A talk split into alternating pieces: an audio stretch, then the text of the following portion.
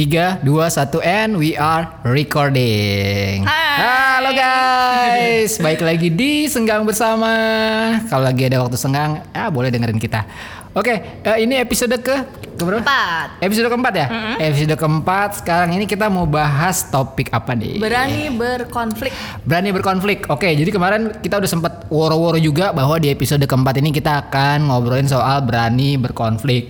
Tapi mungkin yang denger judulnya langsung, oh berani berkonflik berarti ngajak ribut." ngajak ribut siapa aja, siapa aja diajak ribut, berantem mulu, nggak kayak gitu. Maksudnya adalah eh, gimana caranya kita berkonflik tapi dengan efektif. efektif dan efisien Betul. Gitu ya gak sih Eh, nah mungkin kita awalnya rata-rata sih orang kalau berantem tuh gimana sih gitu Iya kan biasanya orang kalau berantem tuh eh, intinya pengen make a point atau pengen nyari siapa yang benar, siapa yang salah. Iya itu atau ya pengen menang no matter what. nah tujuannya awal itu ya, pengen menang tuh pasti kalau kalau Iya, berantem ya biasanya gitu. Terus eh, karena dia pengen menang, jadi biasanya eh, selalu defensif, either defensif or attacking. attacking betul atau eh, orang yang sana ngomong merasa di attack. Padahal orang itu nggak nggak nggak ngetak juga gitu nggak menyerang gitu. Oke. tapi langsung ya itu langsung defensif Oke. pasang shield pasang shield gitu. Padahal dengan pasang shield tuh jadi nggak bisa dengar inti. Sebenarnya orang tuh ngomong apa sih gitu? Oke jadi eh, yang satu mungkin ya sebenarnya dua-duanya ini sensitif gitu kan sensitif. Makanya ada ya bisa dua-duanya atau salah satu. atau salah satu gitu. Jadi eh, ya kadang-kadang kita defensif kadang-kadang kita juga attack gitu. Nah tujuannya itu buat make a point. Make a point dan nggak mau disalahin. Nggak mau disalahin tuh sama nyari ya pengen menang gitu. Ya, tapi sebenarnya itu kayak gitu eh, sebenarnya ya sebenarnya kan itu natural aja gitu kan. Iya. Karena kan sebenarnya pada saat kita ada konflik eh, kita punya emosi kita punya emosi Ber- gitu. kita merasa marah merasa sedih merasa fr- eh, frustasi itu wajar wajar sewajar wajarnya karena juga kita manusia justru eh, berkonflik dengan eh, efektif itu bukan berarti kita nggak punya feeling itu gitu tapi gimana caranya supaya kita tidak disetir dengan perasaan-perasaan tersebut Hmm, tapi ya Gitu. berarti ya reaksi itu sebenarnya eh, natural natural, wajar aja gitu. Wajar. Tapi sebenarnya eh, buat eh, apa berkonflik, buat berantem itu sebenarnya efektif atau enggak? Itu kan yang perlu ditanyakan, yang perlu dipertanyakan kan. Karena pada saat orang ada masalah ya pasti reaktif gitu. pasti akhirnya yaitu defensif dan attacking tadi gitu. Nah itu eh, ya rata-rata rata-rata orang begitu orang lah, kayak gitu. Ya mungkin begitu. kita juga dulu kita kayak juga gitu. dan dan kalau lagi capek Ya, itu betul.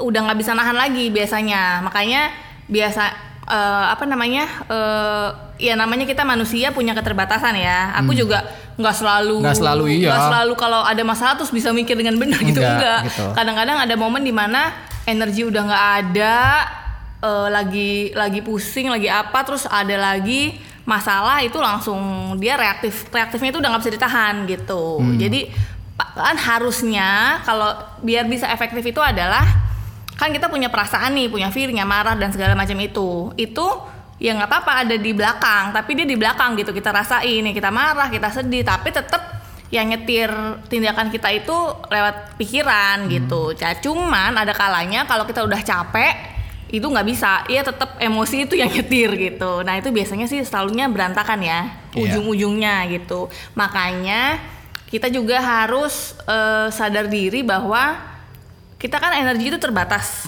Hmm. Ya katakan energi itu 100% lah, ka- apa maksimal kapasitas kapasitasnya maka kita sebaiknya pergunakan energi itu untuk hal-hal yang eh, prioritas, gitu. Prioritas, Kita ya. prioritasin ada anak, ada keluarga, ada eh, teman-teman juga nggak semuanya harus dijabanin gitu. Kalau nggak lu akan ne- energinya nol mulu atau malah minus. Nah itu yang bikin lu nggak bisa lagi mengendalikan eh, apa ya emosi lo gitu. Akhirnya emosi terus yang nyetir nyetir diri lo dan itu wah berantakan deh pasti jadinya. Hmm. Nah eh, ini kan ya kita nge-share gini ya eh, konteks kita adalah pasangan gitu. Tapi sebenarnya Sebenarnya bisa be- bisa diaplikasikan ke bisa di ya eh, hubungan ke mana hubungan aja. apa pun gitu ya mau gitu. ke uh, keluarga ke apa rekan kerja sama, sama siapa pun gitu kan yang pasti itu yang yang kita tangkap adalah pada saat orang ada konflik ada, uh, berantem atau segala macam itu pasti uh, reaktif Nah, dan konflik yang efisien menurut kamu kayak gimana sih?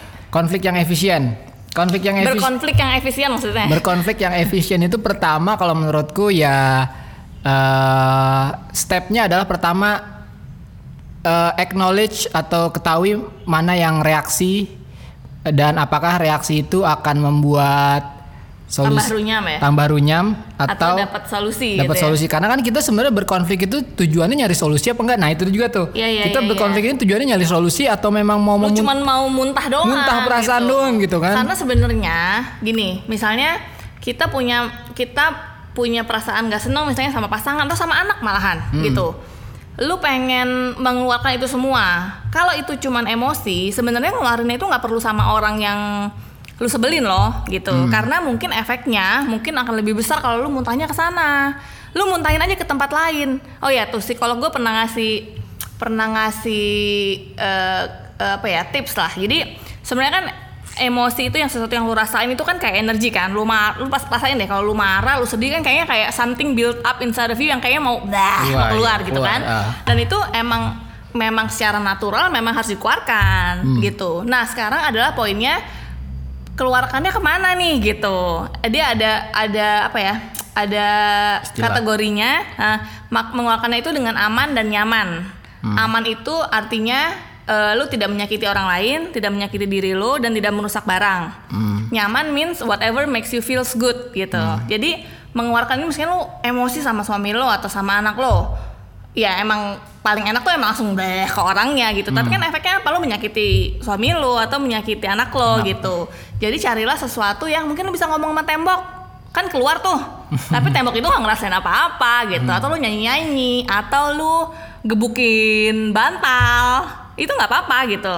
Jadi lo mengeluarkan tapi pilihlah outlet yang tadi kategorinya tidak menyakiti diri lo tidak menyakiti orang lain dan tidak tidak merusak barang. Dan it makes you feel good. Ada orang yang ngosek eh, ngosek kamar mandi, kamar mandi ya gitu. Ada yang macam-macam lah. Kalau gue nangis. Jadi nangis itu ya udah gue nangis aja. Nggak perlu nangis tuh juga nggak perlu ditenangin. Gue kadang-kadang minta waktu sama Tira tunggu gue biarin gue nangis dulu gitu. Ya udah gue keluarin tuh. Sampai gue lega banget.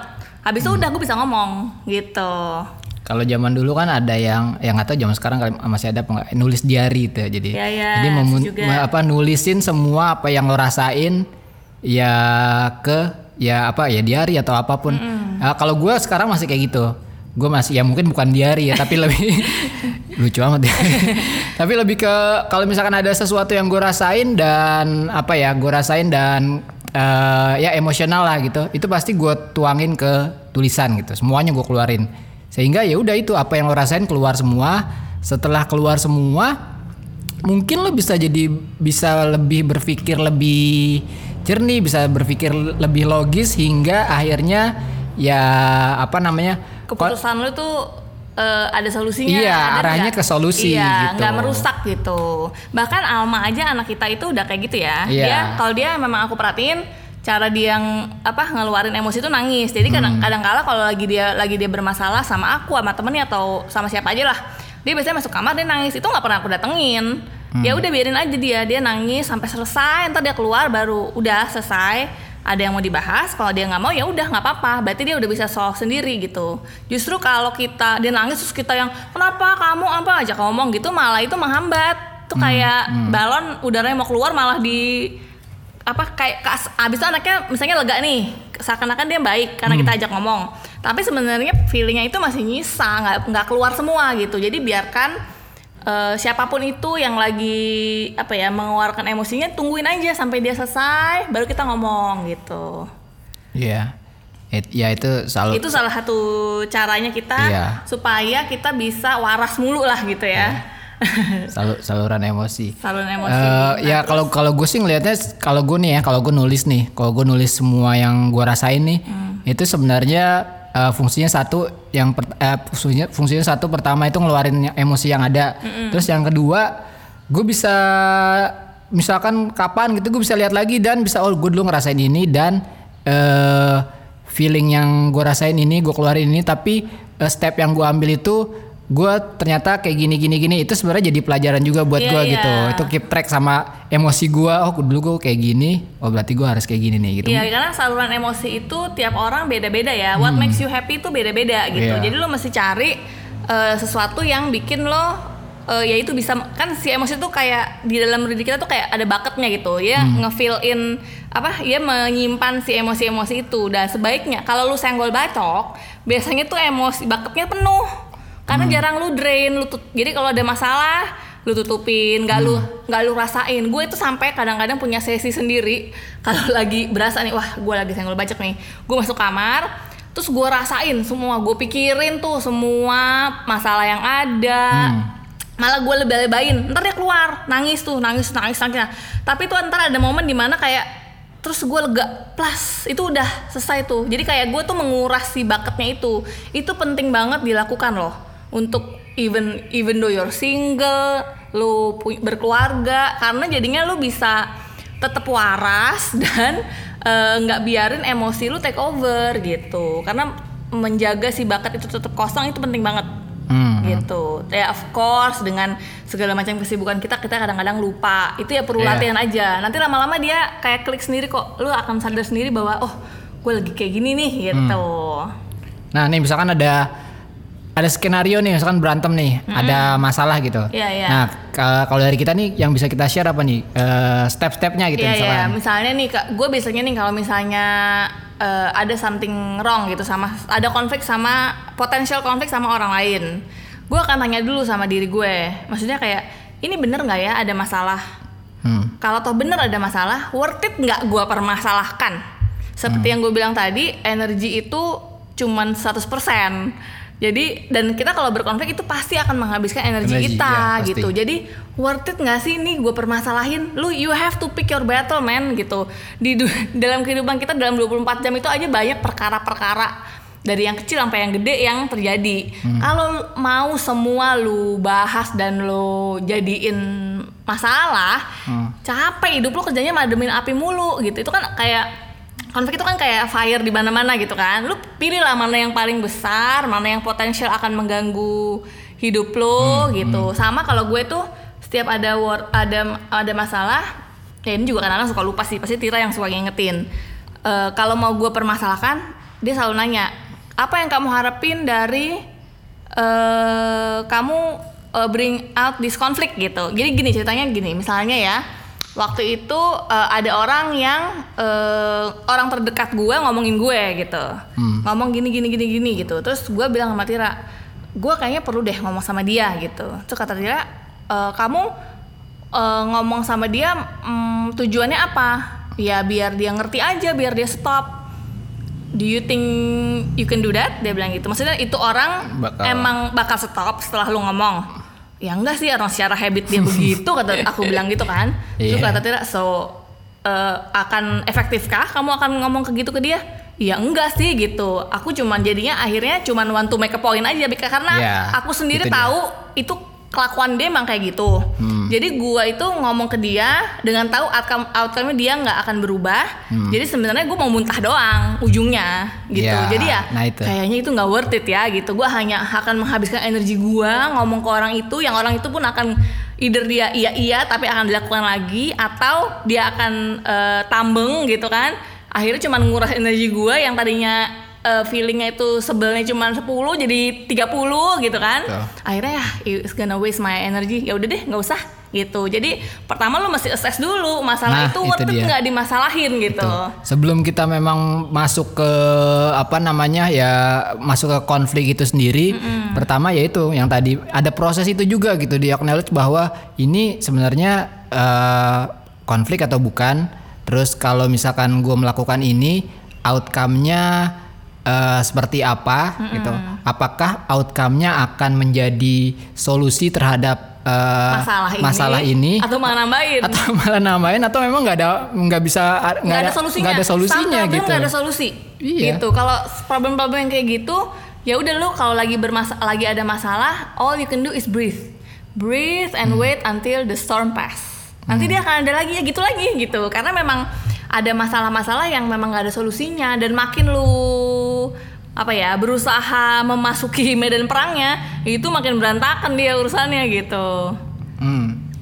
Nah, terus eh, tapi kan ada nih eh, orang-orang yang apa namanya eh yang apa ya yang kita nggak bisa kontrol gitu ya. Hmm. ya kan di ideal di ideal world ya semua orang kita bisa ajak ngomong. Bisa aja ngomong Bisa, ya. ya tipe tipe tipe orang yang bisa diajak berkonflik efek kan kalau berkonflik sorry kalau berkonflik kan kita dua orang nih ya biasanya minimal Iya. dua orang lah gitu. Konflik yang efisien tentunya bisa dilakukan oleh dua orang yang dewasa. Sama-sama bisa diajak ngomong sama-sama diajak, diajak mikir.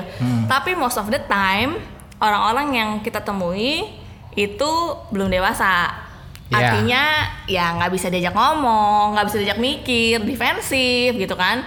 Nah itu lu juga mesti lihat lawan lawan konflik lu itu model yang kayak gimana? Sudah dewasakah mereka? Atau eh, bisa diajak ngomong kah? Atau lu punya wewenang kah untuk ngajarin? Apa wewenang itu maksudnya lu punya lu bisa jadi bahan belajar dia kah? Ada kan tipe orang yang emang ya levelnya level emosinya masih kurang dewasa tapi lu bisa kasih tahu gitu. Bisa lu kasih tahu. Nah itu eh, oke aja lu untuk lu eh, berkonflik sama dia gitu. Tapi kalau ada ayam sorry guys ada ayam mau masuk. Usir dulu usir. Jadi jadi eh, lu mesti lihat juga gitu lawannya. Kalau memang ya most likely yang kita temuin eh, temen, rekan kerja, bahkan suami sendiri, istri sendiri, eh, keluarga mungkin ayah orang tua lo, kakak lo gitu yang tipe-tipe tidak bisa diajak berkonflik, maka eh, yang bisa dilakukan adalah itu apa namanya gue punya tips lagi namanya tiga menghadapi ti- eh, tiga cara menghadapi situasi sulit. Jadi opsi lu itu cuma ada tiga. Lu kuasai keadaan. Kuasai keadaan itu artinya eh, lu eh, bikin keadaannya sesuai seperti yang lu mau. Itu kalau lu punya resource dan kemampuannya. Kalau tidak maka lu adaptasi adaptasi itu berarti ya tetap ada di situasi itu tapi ya yang lu bisa handle ya diri lu sendiri gitu. Jadi lu menyesuaikan dengan keadaan yang ada. Tidak tidak tidak tidak berusaha merubah orang yang di hadapan lu. Yang ketiga adalah eh, menyelamatkan diri atau eh, eh melarikan diri atau menyelamatkan diri. Di- disebut melarikan diri kalau lu nggak nyoba satu dua langsung tiga. Itu namanya melarikan diri. Hmm.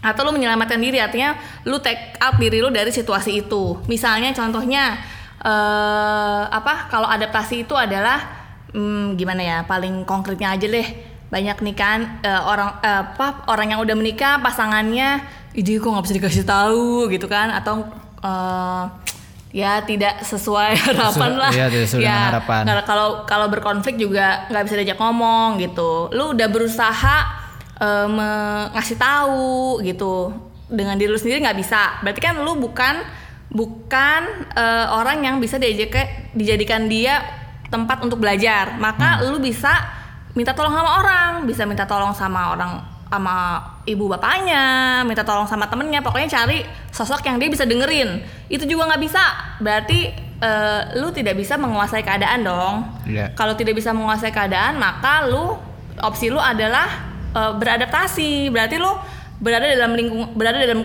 rumah itu dengan sadar sesadar sadarnya bahwa ya yang lu nikahin belum dewasa. Maka jangan lu harapin dia jadi suami lu. Ha, perlakukanlah dia sebagai ya itu ana- anak lo sebagai ya, kayak anak lo lagi gitu. Kayak is another kid in the house yang lo mesti urus. Kalau lagi tantrum ya lu cuekin gitu. Karena nggak bisa diajak eh, dewasa. Nah, tapi kalau misalnya tiba-tiba dia berlaku sebagai suami lo, itu namanya bonus. Hmm. Nah, nah, dengan lu di posisi kayak yang adaptasi itu, jangan pernah ngimpi untuk bisa kuasai keadaan. Itu yang bikin kita nelangsa tuh kan itu kadang-kadang kan Iya. yang kita ngarepin ah dia berubah gitu. Padahal kalau lu bisa menerima, bisa legowo bahwa ya udah keadaan gua kayak gini, ya lu berada dalam situasi itu dengan nggak pernah ngarep gitu, nggak pernah ngarep lebih. Jadi lu ya melakukan role lu sebagai eh, single parent lah jadinya itu hitungannya ya gitu. Nah atau eh, ternyata lu nggak kuat adaptasi, ya pilihan ketiga adalah lu menyelamatkan diri dari tempat itu ya apa pindah dari tempat itu. Tapi kalau misalnya lu nggak sanggup juga nih yang ketiga tiga itu is not an option. Bahwa lu nggak nggak bisa gue nggak mungkin lah ninggalin rumah gitu. Ada anak gue ada mungkin lu juga secara financial tergantung gitu. Berarti kan opsi lu cuma nomor dua.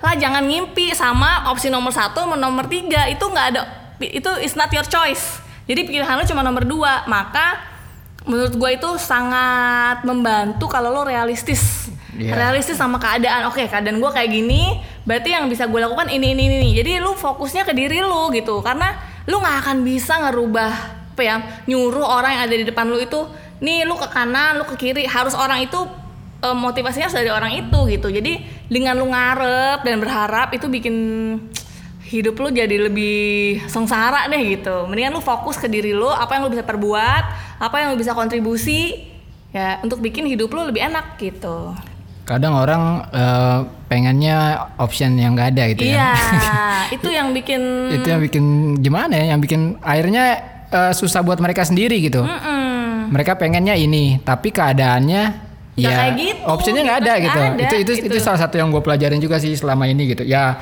eh, ya banyak banyak ngobrol, tukar pikiran sama nada dan segala macam itu kadang-kadang kita pengen yang pilihannya nggak ada tapi kita pengen gitu. Ya nggak bisa itu namanya eh, apa ya namanya eh, ya nggak adil sama diri lo sendiri Iya gitu. itu namanya lu serakah men Serakah, iya, itu namanya serakah, betul, Lu nggak ada nggak ada opsinya lu pengen yang itu gitu Iya. Ya serakah itu yang bikin hidupnya sengsara gitu Ah tadi terus tadi nggak lanjutin lagi tadi yang kalau kita berkonflik sama orang Tadi after lu acknowledge ini masalahnya ada masalah apa enggak Terus sebenarnya ini worth it nggak untuk di eh, di Diberantemin. diberantemin gitu kan. Nah terus eh, yang ketiga itu eh, kalau misalnya sa- kita sama pasangan nih atau ya sama orang lain juga bisa sih, yang eh, bisa diajak berkonflik dengan efisien ya. Kadang-kadang kan kalau lagi emosi nih misalnya aku lagi sebel sama Tira, aku bilang iya aku aku lagi sebel sama kamu. Itu gue bukan nyerang nyerang Tira loh, I'm expressing my feeling. Iya. Karena feelingnya valid, emang gue sebel gitu. Gue sebel sama Tira. Tira juga bilang ke gue misalnya, iya aku juga nggak suka kamu cara kamu kayak gitu gitu. Ya dia juga lagi expressing his feeling, bukan terus eh, Tira itu nyerang gue atau gue nyerang Tira. Itu cuman kita expressing our feeling. Jadi yang oke I acknowledge that you are hurt, tapi bukan berarti gue salah gitu. Cuman ah, itu mm, apa ya? Cuman acknowledge feeling itu cuman kayak itu karena lu nggak bisa kontrol emosi lu you have no control over your emotion lu marah lu merasa nggak senang itu tuh ya natural aja gitu jadi dan itu perlu di acknowledge ya karena Betul. itu is something normal gitu Karena kan karena sebenarnya pada saat eh, situasinya kayak gitu itu seperti ya kayak kayak lawan gitu kan. Jadi apa pun yang apa pun yang terlontar Mhm. yang berhubungan sama misalkan ada nih gue ngomong dia ngomong kayak gini gini gini gini gini gitu. Maksudnya padahal dia cuman eh, meng-acknowledge feelingnya. Tapi karena itu berhubungan sama gue, gue ngerasanya jadi kayak gue kok, diserang nyerang gue sih gitu. Padahal enggak, padahal emang ya mere- dia cuman ininya apa perasaannya, aja, gitu. Nah itu salah satu cara yang oke buat tadi ngebongkar apa ngabisin feelingnya itu tadi ya gitu. Tapi ya memang itu rada susah dilakukan kalau semisalnya pasangan lu senggol bacok, Hmm. lalu lakukanlah itu sama tembok aja gitu. Karena takutnya nanti malah yang sana itu eh, jadinya eh, merasa diserang gitu. Terus setelah lu acknowledge perasa- apa perasaan atau lu udah beres lah semuanya ya, maksudnya feelingnya itu udah udah bisa lu kendalikan emosinya, maka lu cari akar permasalahannya. Kadang-kadang itu kita ngerasa kayak apa ya? Kayak ya kayak tadi tuh yang gue mak kayak gue tadi yang awal contohin, iya gue merasa eh, dia ngomongin gue gitu dan gue nggak suka caranya dia, harusnya dia ngomong ke gue dong gitu kan? Eh apa namanya?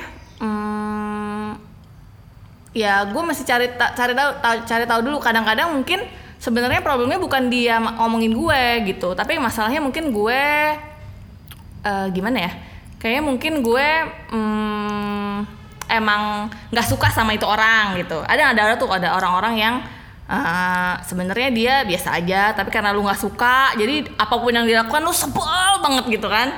Gitu.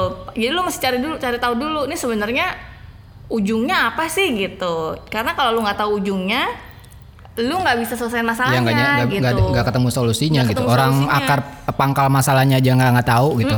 Kalau gue sih kayak misalkan ada orang nih, eh, ada orang ngomongin gue nih, gue selalu berprinsip bahwa kalau kalau orang itu nggak ngomong langsung ke gue berarti nggak ada Ya, apa-apa. betul, gitu. betul. berarti berarti nggak ada berarti nggak ada masalah. Iya, kayak gini nih, karena karena lu nggak pertama lu nggak bisa kontrol orang itu mau mikir apa Iya. sama ngomong apa Ngomong apa? terus eh, kadang kan pasti kalau kayak gitu kejadiannya ada orang lain lagi cerita sama kita kan eh tadi dia ngomongin ini loh ke lu gitu kan itu kan udah pindah berapa tangan ya Hmm. pindah berapa tangan itu bisa jadi dalam perpindahan itu ada terjadi salah omong mungkin orang pertama yang lagi dia omongin nggak ngomong kayak gitu gitu Iya. Nah terus kadang-kadang kita nggak bisa kita masih luruskan gitu kan menurut gua ngelurusin itu malah nambah keruh masalah gitu Iya. karena ya itu pertama lu nggak bisa kontrol apa yang lu orang orang omongin dan orang eh, pikirkan. Pikirkan. daripada lu ngurusin lu bayangin dong kalau lagi ngomongin yang kayak ngurusin gosip-gosip gitulah Hmm. itu berapa banyak orang yang mesti lu datengin dan lu selesaikan ngabisin energi banget. Mendingan lu ikut kursus apa gitu. Energinya ke situ aja. Jadi pernah nih suatu saat teman gue datang ke gue. Terus cerita eh eh, si ini pembantu gue loh yang diomongin sama dia. "Pos, lu masih hati-hati loh sama si mbak lo itu gitu.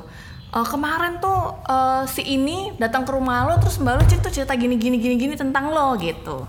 Lo masih kasih tahu tuh mbak lo terus gue bilang ah nggak usah lah biarin aja tuh mulut-mulut dia gue bilang gitu. Loh jangan gitu dia bilang gitu. Ntar tuh eh, dia ngomongnya nggak benar soalnya.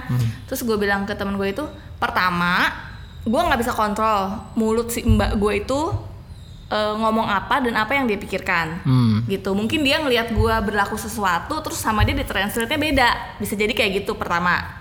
Dengan gue ngomong ke dia bukan nggak hanya gue ngabisin energi malah itu malah jadi fuel dia untuk kalau memang dia kelakuan yang ngomongin orang ya itu akan jadi bensin dia untuk ngom- tambah ngomongin gue lagi gitu. Iya. dan itu ngabisin energi gue kedua bisa jadi si temen gue yang pertama ini salah denger.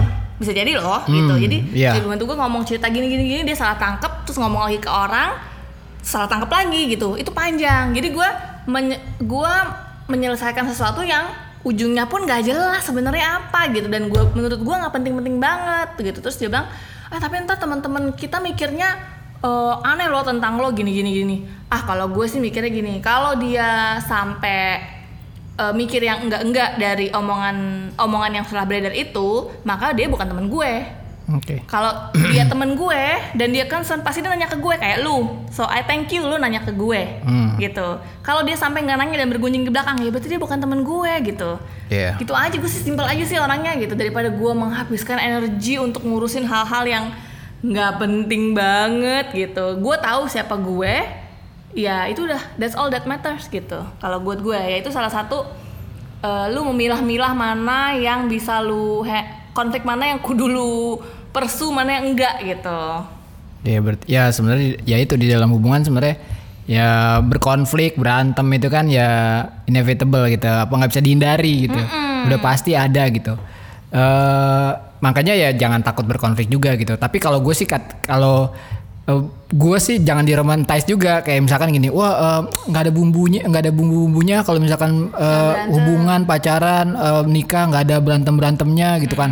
Akhirnya jadi dikit-dikit ribut dikit maksud gue nggak gitu juga gitu itu kan sebenarnya meromantis eh, apa namanya meromantis pertengkaran gitu tapi Iya. yang penting buat gue adalah kita nggak takut berkonflik pada saat kita berkonflik kita tahu eh, step-stepnya apa step-stepnya untuk apa menghasilkan solusi yang Iya. oke efek efektifnya itu seperti apa Iya, karena gitu. itu kalau kalau lu nggak itu tadi meromantis si berantem berantem itu seru nggak seru kalau nggak berantem gitu kan. Hmm. Karena di berantem itu itu kan mau nggak mau tuh menghabiskan energi. Jadi Iya, kayak betul. relationship tuh kayak ada baterainya gitu. Kalau lu berantem mulu dan berantemnya nggak penting itu draining your battery man gitu. Lama-lama kalau dia udah habis selesai terus mau ngapain gitu.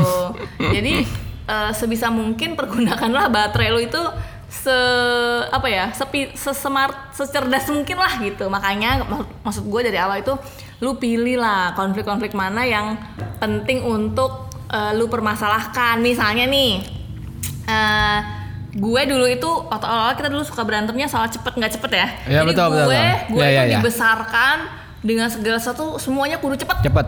Cepet itu oke gitu. Hmm. jadi ngerjain cepet jalan cepet pokoknya cepet deh semuanya. Sedangkan Tira astaga lama banget orangnya. Jadi kita selalu berantem tuh. Gue selalu gue selalu sebel sama dia dia juga yang dan gue tuh selalu nganggep ya cepet itu baik kok gitu kenapa Hmm. sih lo nggak mau cepet kan semuanya jadi oke tapi Tira juga nggak nggak habis pikir kenapa gue Kenapa masih cepet cepet, ya? gitu jadi kadang-kadang kita suka ngotot eh, sama sesuatu karena kita pandang dari cara kita doang. Betul. Gitu. Gue dibesarkan, lu bayangin dong gue ketemu Tira umur 29, 28 ya? 29. 28. Dari 28. Udah 28 tahun gue dididik dengan cara kayak gitu bahwa cepet itu oke. Oke, lu harus cepet gitu. Iya, sedangkan kalau Tira enggak gitu.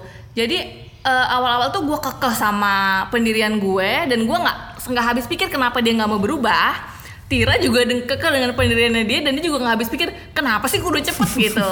Akhirnya kita bertahan dengan sesuatu yang sebenarnya nonsens banget gitu Iya. gitu ya itu eh, lu mesti sadari bahwa setiap orang itu di beradab dengan pengalaman yang berbeda dengan value yang berbeda. Dan walaupun lu ngerasa ini yang paling benar value gue gitu. Kalau toh bener orang yang di di seberang lo itu akan susah loh ngerubah kebiasaan dia dalam sepersekian minggu atau sepersekian bulan. Dia udah biasa dengan pola itu berpuluh-puluh tahun. Sedangkan lu ketemu dan nikah baru berapa tahun gitu. Jadi eh, pertama ya lu mesti lihat-lihat dulu. Itu esensial nggak sih sebenarnya gitu apa terus eh, kedua kalau toh misalnya akhirnya kesepakatannya mau berubah nih gitu.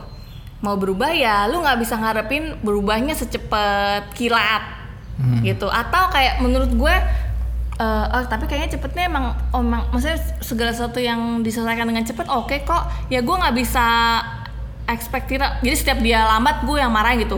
Kamu jangan lambat-lambat dong itu akan akan apa ya akan counterproduktif sama relationship lu. Yang bisa gue lakukan adalah ngingetin dia kalau emang gue lagi butuh kita lagi butuh. Ini esensial misalnya kita udah telat ya gue ingetin ayo kita cepetan dikit ya mungkin udah udah mau udah telat gitu. Tapi that's all I can do remind him. Iya. gitu. Kalau dia sampai berubah alhamdulillah. Kalau enggak ya udahlah emang dia dari kan gue nikah belinya begini emang modelnya.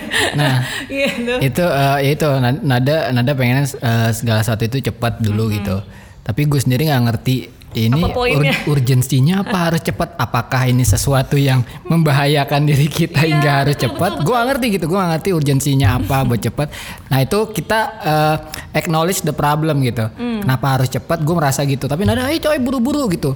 Nah yang kedua adalah eh ya gue nggak bi gue nggak gue pertama gue nggak melihat urgensinya ini kenapa harus cepat yang kedua optionnya adalah pada saat lo mau cepet ya lo harus lakukan sendiri gitu Iya, jadi Itu- kayak kayak misalnya gue minta tolong nih sama Tira, itu sering juga terjadi di relationship ya.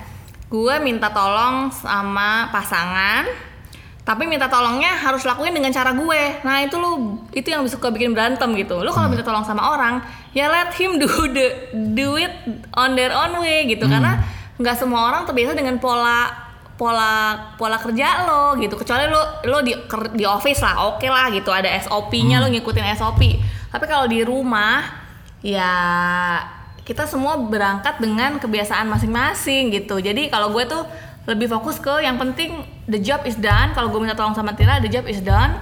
Gimana cara dia ngerjain ya itu terserah dia gitu. Paling gue bisa kasih tahu "Oh, aku butuhnya eh, sekarang nih atau aku butuhnya nanti gitu. Kalau Iya. emang dia nggak bisa ya dia bilang gitu. Aku nggak bisa kalau sekarang mungkin nanti gitu. Kayak misalnya nih aku dulu suka pernah berantem juga gara-gara buang sampah ya. Hmm. dulu kan sukanya ngomong gitu ah buangin sampah dong gitu.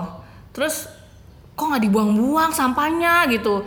Kan langsung internal saya uh dia nggak sayang dia nggak peduli gitu. Padahal setelah aku ngomongin ternyata dia bilang ya aku akan buang tapi nanti ini aku lagi ngerjain yang lain gitu. Jadi kadang-kadang itu suka mikir kejauhan. Padahal ya bakal dikerjain tapi nanti gue masih ada kerjaan yang lain. Apakah dia kayak gitu? Berarti kita nggak nomor satu.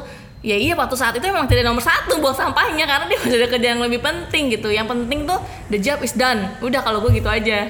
Iya, nah pada saat sebenarnya pada saat kita fokus ke solusi gitu, kita langsung bisa ini sendiri sebenarnya. Hmm. Iya, iya, iya, iya. Kayak misalkan sampah tadi, solusi eh, Nada pengen eh, sampahnya dibuang gitu, dan eh, meminta gue buat membuang sampah itu gitu. Yang penting buat Nada adalah sampahnya terbuang atau gue ngerjain eh, Sekarang. ngerjain sekarang sampah itu gitu. Kalau misalkan eh, apa namanya eh, s- eh, yang penting adalah sampahnya terbuang, itu nanti akan terbuang pada saat gue sel- setelah selesai mengerjakan Iya. yang lain gitu. Tapi kalau kalau misalkan butuhnya sekarang butuhnya sekarang ya lu aja buang sendiri buang gitu. sendiri gitu, gue nggak bisa.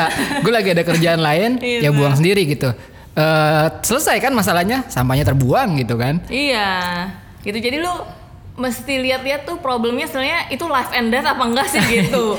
Kalau Iya. itu life and death bik atau bikin lu nggak bisa jadi nggak bisa punya penghasilan lagi misalnya misalnya bikin eh, kita nggak pu apa suami lu dipecat atau istri lu jadi nggak punya income oke lah atau anak lu berbahaya oke lu mau berantem gontok-gontokan silahkan tapi kalau ya itu soal yang kayak atau apa rumah agak nggak terlalu bersih Iya. atau standar kebersihan lu beda.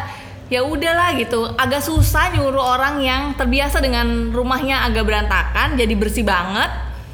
Eh, lebih gampang bawa lu yang turun gitu. Atau lu kerjain sendiri yang bersih banget itu yang kerjain sendiri. Karena level lu kan beda. Gitu. Kadang-kadang tuh ini sorry. Kadang-kadang susah loh buat orang yang tipe-tipe yang dia bersih banget. Terus yang satu lagi nggak bersih yang satu tuh bilang ini belum bersih. Yang yang nggak bersih itu nggak bisa lihat loh. Sebenarnya yang Iya, dimaksudin apa sih? Gue Iya, ini buat gue iya. udah bersih gitu. Ya be, ininya beda gitu. standarnya Standar gitu. Beda. dan lu jangan internalize bahwa dia nggak sayang nggak cinta. Enggak itu cuman habit yang udah terbi- terbangun. Jadi ya something yang dia nggak rasain lu rasain. Bukan berarti nggak cinta gitu bukan berarti nggak sayang. Jadi ada quote eh, katanya gini. Eh, if it doesn't matter in five years, don't spend five minutes arguing about it. iya, iya. gitu. Ah. Iya. Makanya kalau itu nggak masalah apa yang gimana Iya, gimana iya, banget, iya, iya. jangan eh, arguing. Ya, Itu cuma hal kecil gitu kan. Kecuali Iya, memang eh, apa namanya masalahnya memang besar gitu dan memang worth buat eh, apa eh, ya berkonflik apa segala macam. Nah itu baru. Tapi kalau misalkan kayak masalah-masalah tadi. Eh, kita lihat dulu solusinya apa sih? Solusinya apa? Hmm. ya udah gitu. Kita sepakat untuk oke this is how we're gonna handle it gitu. Nah terus misalnya nih kita udah sepakat nih masih ada, ada masalah terus kita cari solusinya. Kayaknya solusinya masih gini gini gini deh gitu. Oke kita udah sepakat. Nah dalam menjalankannya eh, itu kan solusi itu berarti kan kita salah salah satu atau dua dari kita harus berubah kan?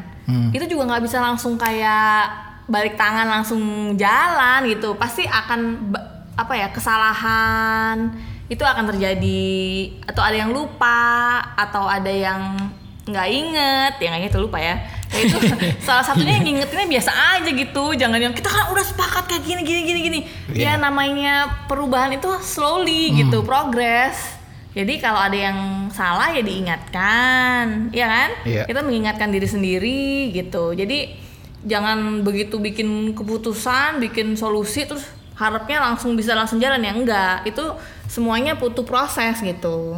Yang penting ada progress gitu. Acknowledge each other progress even though it's very little. Nah itu dia. Eh, kan ya tadi kita bukan yang takut buat berkonflik juga, tapi kita juga nggak meromantise eh, konflik juga gitu. Nah tapi sebenarnya eh, kita sendiri berpikir bahwa sebenarnya berantem itu penting juga ya maksudnya penting buat buat penting. hubungan itu. iya karena itu sebenarnya konflik itu sign of growth gitu Iya. karena lu gesekan itu kan ada karena ada ada perbedaan gitu Hmm. dan sebenarnya dengan lu berkonflik berarti lu masih ada ikatan batin Hmm. kalau lu udah nggak peduli pasti lu yang bodoh amat Bodo gitu amat, ya, gitu Sama eh, kalau kalau menurutku sih konflik itu kayak kayak checkpoint buat aku sendiri gitu. Kayak misalkan kita kan hubungan nih ya khususnya yang menikah ya kan panjang banget nih. Maksudnya eh, ibaratnya kayak maraton apa segala macem lah gitu. Nah eh, kadang-kadang ya kita buat salah atas segala macam kita lupa gitu-gitu. Nah kadang-kadang di berantem-berantem itu di konflik-konflik itu kita kayak punya checkpoint. Oh ternyata gue melakukan ini gini-gini berarti gue harus kayak gini. Kayak kayak ngelihat diri sendiri terus kayak punya notes buat diri sendiri. Oh ternyata Iya, iya. eh, yang kemarin masalahnya ini eh, terulang lagi ternyata harus solusinya harus kayak gini. Jadi kayak punya ini aja sih, kayak punya apa ya? Kayak punya ya itu checkpoint buat diri sendiri gitu. Kalau buat aku ya. Hmm. Eh, terus konflik itu kan sebenarnya juga ya skill juga gitu. Iya, Kayak betul. tadi kan step-stepnya adalah sebenarnya eh yaitu melihat masalahnya apa, mengaknowledge-nya, me- mengaknowledge situasinya seperti apa, Ya, emosi apa atau bukan. Iya, apa yang lo harapin Apa dari yang lo harapin. konflik ini? Worth it nggak untuk lu pursue nih konflik Iya. gitu? Itu maksudnya nggak nggak nggak ini loh, maksudnya susah sebenarnya itu skill gitu, skill Ya, skill lu harus latih. harus Emang latih gitu. Ribet amat ribet gitu. iya, tapi ya menurut kita itu adalah eh, berkonflik yang efisien gitu kan, Iya, memang harus iya. ada that that step gitu. Iya, nah terus eh gue pernah nih salah satu apa ya pernah. Jadi dulu kita pernah ada masalah. Biasanya kan kalau ada aku punya feeling tertentu sama Tira nih. Terus aku eh, kalau ngomong ke orang lain cerita kita kan suka curhat ya cerita ke Iya. orang lain itu feel better. Nah tapi pernah di satu di satu situasi di mana gue cerita ke orang bukannya bikin feeling gue itu lebih enakan, malah dia kayak membesar. Jadi gue makin sebel banget sama Tira gitu. Dari yang setiap gue omongin ke orang, setiap gue curhat, bukannya lega malah tambah uh gitu kan kalau ketemu gitu. Terus gue akhirnya eh, mempertanyakan diri sendiri, lu efektif gak sih kayak gini gitu? Kok setiap lu curhat ke orang malah membesar gitu kayaknya? Jadi itu itu salah satu berkonflik dengan diri sendiri ya. Nah, lu harus juga. harus mau mempertanyakan eh, tindakan lo gitu. Kalau misalnya dikira itu tidak efektif ya salah satunya adalah itu bukannya resolve malah nambahin masalah. Betul. You should stop, cari lagi yang lain gitu. Jadi gue setelah gitu wah kayaknya gue nggak boleh nih kayak gini nih karena jadinya instead of gue dapat solusi malah cuma membesar-besarkan emosi gue dan akhirnya emosinya nyetir mulu gitu. Hmm. Jadi gue jangankan nyari solusi, gue ngeliat Tira aja udah sebel, itu nggak akan bisa nyari, nggak bisa akan nggak akan bisa mikir dengan benar gitu. Akhirnya gue cari eh, apa ya saluran lain gitu. Jadi gue tidak lagi curhat, gue ngomong aja ke diri ke diri gue sendiri sampai akhirnya gue bisa nemuin titik di mana gue yang oke, gue bisa ngomong lagi nih sama Tira gitu. Jadi lu juga mesti ada self check terus gitu. Nah itu yang eh, penting juga adalah yaitu berkonflik sama diri sendiri karena kalau kita ngomongin apa ya berantem, ngomongin berkonflik itu langsung oh sama orang lain, sama rekan kerja, sama pacar, sama istri atau segala. Tapi sebenarnya berkonflik sama diri sendiri, self checking diri sendiri itu juga paling penting Paling mempertanyakan mempertanyakan diri lo tindakan gue ini udah bener nggak iya, sih gitu, Kadang-kadang orang itu yang lupa gitu. Jadi ada masalah yang dilihat langsung oh lawan Lawannya. gitu kan. Padahal sebenarnya eh, ya self check first dulu gitu. iya Ini ini seperti apa, eh, terus eh, solusi yang terbaik seperti apa gitu. Setelah itu baru kita siap eh, apa namanya? berkonflik apa Berkon- yang yang sebenarnya paling penting itu juga salah satunya instead of lo menuntut lu mesti gini gini gini tapi lu tanya sama diri lu sendiri apa yang bisa gua kontribusikan apa yang bisa gua lakukan untuk memperbaiki hubungan ini karena yang bisa lu rubah hanyalah diri lo bukan orang lain Hmm. dan orang itu hanya bisa merubah dirinya gitu jadi yang lu bisa kontrol itu cuman reaksi lo sama tindakan lo gitu Hmm. gitu Nah eh, kemarin ada beberapa yang kita kirim apa eh, woro-woro gitu banyak juga nih yang ini. Ini ada salah satunya ini nih.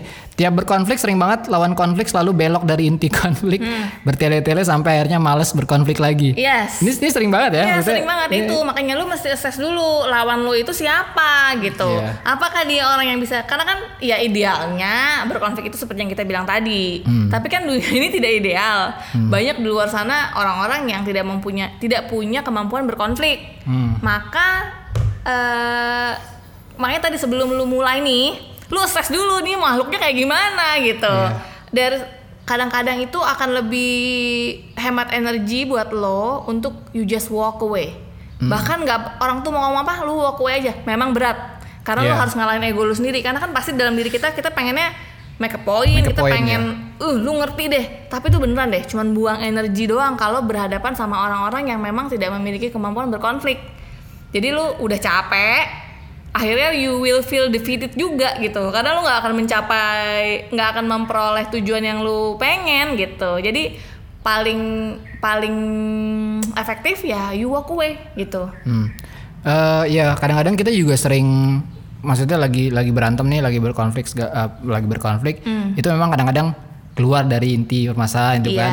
Kadang-kadang itu menurut gua agak eh, memang di drive sama emosi sih gitu. Yes. Emosi gitu. Wah. Padahal kita awalnya udah bener nih, awalnya udah oke-nya oke, eh, conversation-nya oke, bla bla bla, tapi saling saling lempar argumen segala macam, tiba-tiba emosi eh, take over, tiba-tiba jadi belok lagi. Itu Iya, itu, iya. itu, Itu- itu wajar. Itu kita sering juga ya Iya, gitu. iya. Tapi sebenarnya yang penting adalah pada saat kita tahu bahwa ini solusinya apa nih gitu. Jadi pada saat kita berkonflik kita udah tahu duluan bahwa solusinya kira-kira akan seperti apa gitu dan eh, pada saat kita berbelok atau bertele-tele dari apa inti permasalahan kita lihat lagi tuh ini sesuai sama apa yang eh, kita harapkan sebagai solusi atau enggak nih kalau enggak balik lagi gitu tapi memang rata-rata memang eh, karena emosi juga sih gitu Iya makanya iya. Jadi kalau di dua di berhadapan sama orang yang memang bisa berkonflik belok-belok ya wajar. Wajar, nah Kita itu tinggal- dia, ya. Kita tinggal saling mengingatkan. Iya. "Eh, kayaknya kita udah keluar jalur ya balik lagi deh gitu. Oke. Oh, itu kalau misalkan dua-duanya memang Dua-duanya emang bisa diajak berkonflik. memang bisa diajak berkonflik gitu ya, tapi, kan tapi- most likely kita ketemu sama orang yang tidak bisa Iya. gitu. Jadi kalau gue sih eh, kalau gue lagi banyak energi gue ladenin. Hmm. tapi kalau gue nggak lagi banyak most likely biasanya gue tinggalin. Gue I walk away from that konflik gitu karena ya itu akan ngabisin energi gue yang bisa dipakai untuk hal yang lain. Tapi memang walking away itu is one of the hardest thing you will ever do karena lu karena kita terbiasa untuk apa ya kayak merasa menang, make Iya. a point dan lu dianggap pasti lu nggak ah pasti gue dianggap kalah nih Kalah, sama yang nah sana. dia. Hmm. Ya udah biarin aja gitu. Kalau gue sih lu don't focus on that thing gitu. Hmm. Karena itu nggak itu benar-benar nggak produktif banget gitu. Terus ada orang yang bilang tapi kan ada kayak eh, itu oke berkonflik sama orang yang kita nggak kenal gitu. We can just walk away. Bagaimana kalau kita berkonflik sama keluarga sendiri? Iya. Either orang tua Betul. atau kakak gitu. Ya itu kalau gue bilang tadi kembali ke situasi sulit tadi. Lu punya kuasa nggak ngeladenin ngerubah dia? Kalau nggak punya ya udah berarti lu either you sit there and listen to them eh, ngomong dan segala macam atau you walk away gitu. Kalau lu pokoknya jangan mimpi sama pilihan yang lu nggak punya gitu. Kalau lu berharap bisa ngerubah orang tua lu emang bisa? Nggak bisa kan? Gitu. Jadi ya lu dengerin aja lah nggak nggak itu kok. Hmm, ya emang lu sebel tapi abis itu udah kayak orang kentut gue selalu ngomongnya gitu sama adik gue kalau bokap gue atau nyokap gue lagi bermasalah udah sih mereka lagi kentut dengerin aja gitu. Cium-cium aja emang bau saat itu. Tapi kalau nggak nggak lu ladenin dia tuh habis hilang. Udah masalahnya selesai. Gitu kalau lagi orang-orang yang kayak gitu kalau lagi kumat dia senggol bacok tapi habis itu udah gitu. Jadi pada lu tetap ke bawah emosi dia udah selesai lu masih bete gitu kan? Nggak lucu banget gitu. Jadi ya lu harus punya mekanisme untuk hmm, apa ya? Ya berada dalam situasi itu gitu. Sama dengan lu sadar bahwa lu tidak bisa merubah orang itu pasti akan lebih legowo. Yang bikin sebel itu karena lu tetap punya harapan dan Orang punya kayaknya orang itu berubah. Nggak bisa. Yang bisa lu yang bisa lu hadap yang bisa lu handle adalah diri lu. Gimana caranya lu menghadapi dia lagi senggol bacok itu gitu. Sebenarnya caranya tuh kalau kalau di yang psikolog gua ngajarin orang-orang kayak gitu kan orang-orang belum dewasa. Ya. badannya doang udah gede umurnya doang udah tua. Tapi isinya masih anak SMP anak 4 tahun mungkin malahan gitu. Caranya ngadepin anak tantrum gimana sih? Itu kalau gue nyebutnya mereka lagi tantrum ya. Kayak anak yang anak kecil itu loh. Kalau lagi marah-marah sampai guling-guling di lantai, Lantai. cuman nih badannya mereka mungkin ngomong gitu. Caranya ngadepin anak tantrum didiemin. Lu Iya. diemin aja. Lu nggak usah ngomong apa pun. Karena reaksi apa pun itu udah lu ngasih energi lagi ke dia untuk nambahin gitu. Jadi lu diemin aja sampai dia selesai. Karena mereka tuh cuman kayak lagi nguarin emosi. Ya. gitu. Begitu udah selesai udah lu tinggalin. Nggak perlu ngomong apa-apa. Kalau toh mereka tipe-tipe orang yang perlu lu iya iyain ya lu lu iya iyain aja. Habis itu udah kok gitu. Emang lu sebel. Tapi eh, efeknya kalau lu lawan akan lebih besar daripada kalau lu diem aja. Nanti over time you will learn to handle your your emotion. Gitu. Gua kalau gua lagi yang gua kan suka yang kayak gitu ya sama orang tua gua adalah kayak gitu. Kalau gua lagi cukup emo cukup energi gua akan di situ. Kalau gua nggak cukup energi gue tinggal. Gitu. Karena gue nggak nggak cukup ya energi untuk ngedengerin itu. Kalau gue dengerin pasti gue akan naik gitu. Jadi gue tinggalin. Nanti eh, kalau gue udah cukup energi gue ketemu lagi nggak gue bahas. Nggak usah nggak penting. Mereka juga nggak akan nggak akan mudeng juga. Ya udah as if nothing happen aja gitu Ya, nah ini ada pertanyaan juga nih, ya. mungkin tadi jawaban Ah, iya, iya. mengingatkan orang tua dengan baik ya itu sebenarnya kan mau orang tua mau siapa Temen. pertama kita lihat orang ini punya kapabilitas punya kapabilitas buat berkonflik apa enggak ya Iya. gitu ya yang kita share tadi gitu Iya. kalau enggak ya yang tadi Nada bilang gitu Heeh, pada akhirnya orang-orang udah tua Nah, itu dia itu. udah terbiasa sama pola kayak nah gitu orang tua itu most likely or- most likely itu tidak tidak ya bagus kalau misalkan orang tua lo itu orang tua lo itu punya apa namanya eh, punya kemampuan itu gitu tapi Iya. most likely orang tua itu kan di, orang tua dengan kita dibesarkan di Era yang beda. era yang berbeda gitu-gitu udah pasti ininya udah udah pasti beda gitu pola Nah, terus pikirnya apa mereka udah macam. terbiasa hidup kayak gitu like what 40 50 Iya, puluhan years loh. tahun gitu. Istilahnya tuh udah udah nempel di situ. Iya. Untuk merubahnya maybe will took another 50 years. Iya, Lu betul. emang masih ada kan enggak gitu. Jadi akan lebih mudah untuk lu legowo untuk ya udahlah memang orang tua gue kayak Iya. gini. Jadi yang bisa lu handle adalah diri lu gitu. Hmm. Jadi instead of lu berusaha merubah orang tua lu tapi lu merubah cara lu menghadapi mereka. Jadi gue Hmm. itu juga gue juga pengalaman dengan orang tua gue kurang kurang bagus Iya, ya sama gitu. ya, iya. Sama lah rata-rata ya. Nah, eh, gue itu malah justru punya hubungan jadi jadi punya hubungan baik itu bukan karena mereka berubah, karena gue yang berubah. Iya, gue berubah eh, menghadapi cara menghadapi mereka. Karena dulu gue selalu ngarep mereka berubah kan. Jadi gue setiap ada konflik gue hajar lah kasarnya. Pokoknya dia harus berubah. Gue gue kasih tahu nih gitu. Ya nggak bisa gitu. Emang orangnya udah begitu. Udah istilahnya tuh kalau cetakan tuh udah set gitu kan. Jadi ya akhirnya gue yang oke kalau dia lagi kayak gini, gue tik gue itu biasa pilihan gue either gue dengerin atau I walk away. Itu bikin hidup gue lebih damai gitu. Dan gue nggak ngarepin dia berubah juga bikin hidup gue lebih damai. Gue gue yang gue udah legowo bahwa oke mereka emang kayak gitu orangnya. Gitu. Kalau memang lagi kumat, ya itu gue ngapain lagi kentut lah biarin aja gitu. It's nothing wrong. Kalau gue cukupin aja gue dengerin kalau nggak gue tinggal. Oke. itu juga bikin masalahnya nggak ke mana-mana. Karena kalau dulu gue ladenin itu panjang tuh malahan. Dari yang marahnya sejam bisa tiga tiga malam gitu. Setelah ah, sekarang sih jadi hubungan gue jauh lebih baik Iya, ya sama eh, ya gue juga punya hubungan juga gimana ya, yang namanya orang tua lah gitu kan. Iya. Kayak, tapi benar yang pada akhirnya yang bikin gue apa ya, yang bikin gue tenang gitu-gitu, tidak me, apa ya, tidak melihat itu sebagai suatu wah gimana gimana. Pada akhirnya yang bisa gue kontrol adalah diri gue sendiri gitu. Gimana caranya gue menghandle ini gitu. Kalau misalkan mengharapkan kita kan pengennya wah gue pengen orang tua gue tuh berubah gini-gini tapi balik lagi ke tadi yang nada share itu. Ada optionnya nggak gitu? Iya. Ada option itu nggak? punya resource untuk ngerubah dia nggak nah gitu? itu. Kalau nggak berarti ya adaptasi berarti. Adaptasi. Lu nggak punya kedua, opsi untuk ngerubah gitu. Iya adaptasi. nah itu itu salah satu step-step penting juga gitu. Ya udah eh, option-optionnya eh, apa seperti itu gitu. Nah sebenarnya nih eh, kalau misalkan berantem nih eh kalau kita kalau berantem gimana sih? Maksudnya dari praktikalnya nih misalkan.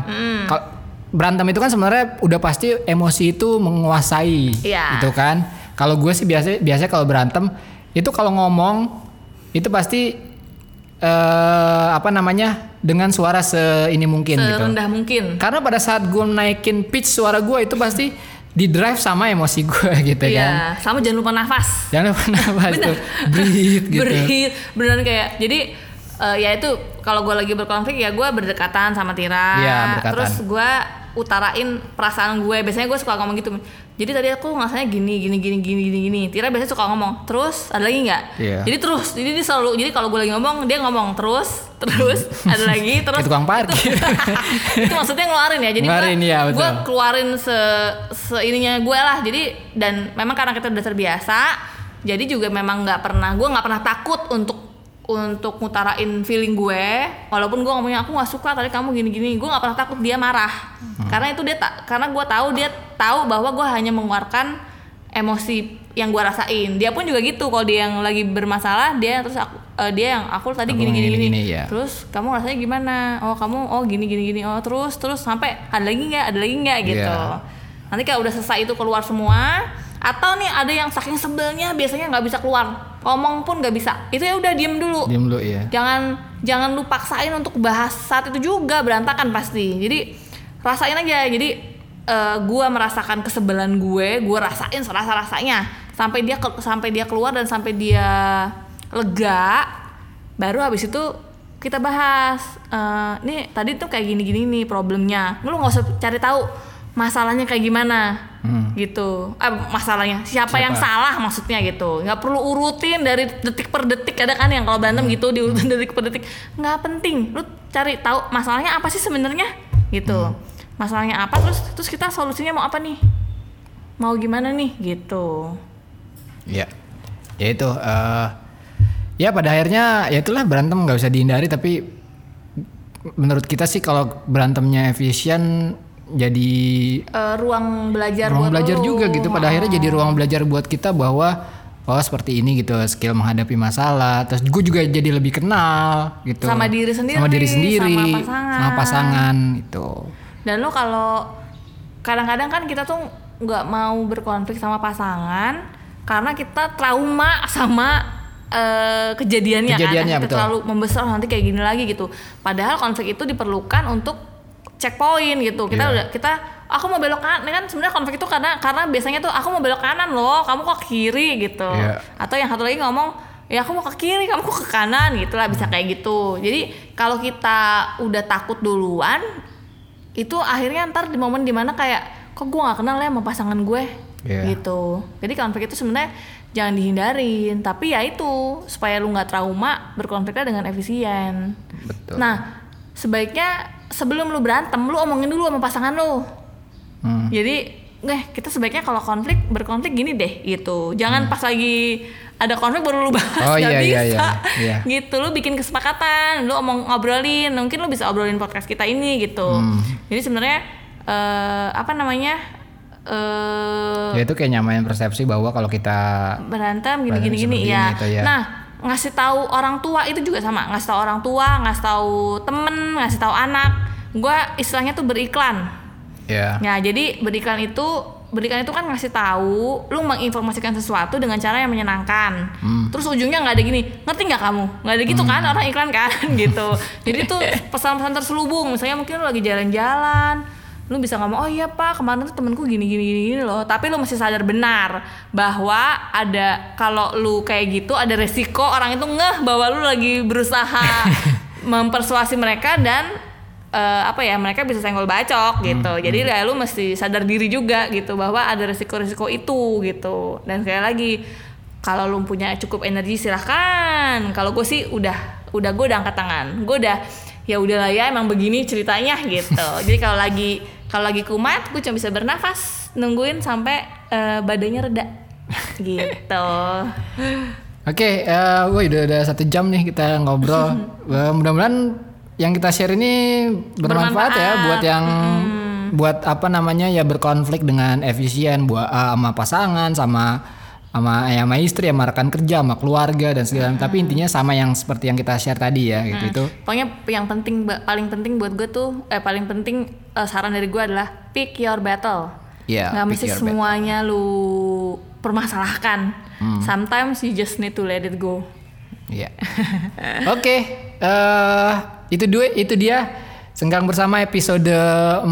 Mhm. Mudah-mudahan bermanfaat. Kalau misalkan ada eh, feedback tentang episode ini atau episode-episode yang lain bisa ya kirim aja ke Instagram gua atau ke Instagram Nada gitu ya. Heeh, at nada underscore, Nada underscore Arini. Arini ya gitu. So, ya udah itu aja. Udah. Dah. Dah. Oke, see Thank you then. you. Bye bye.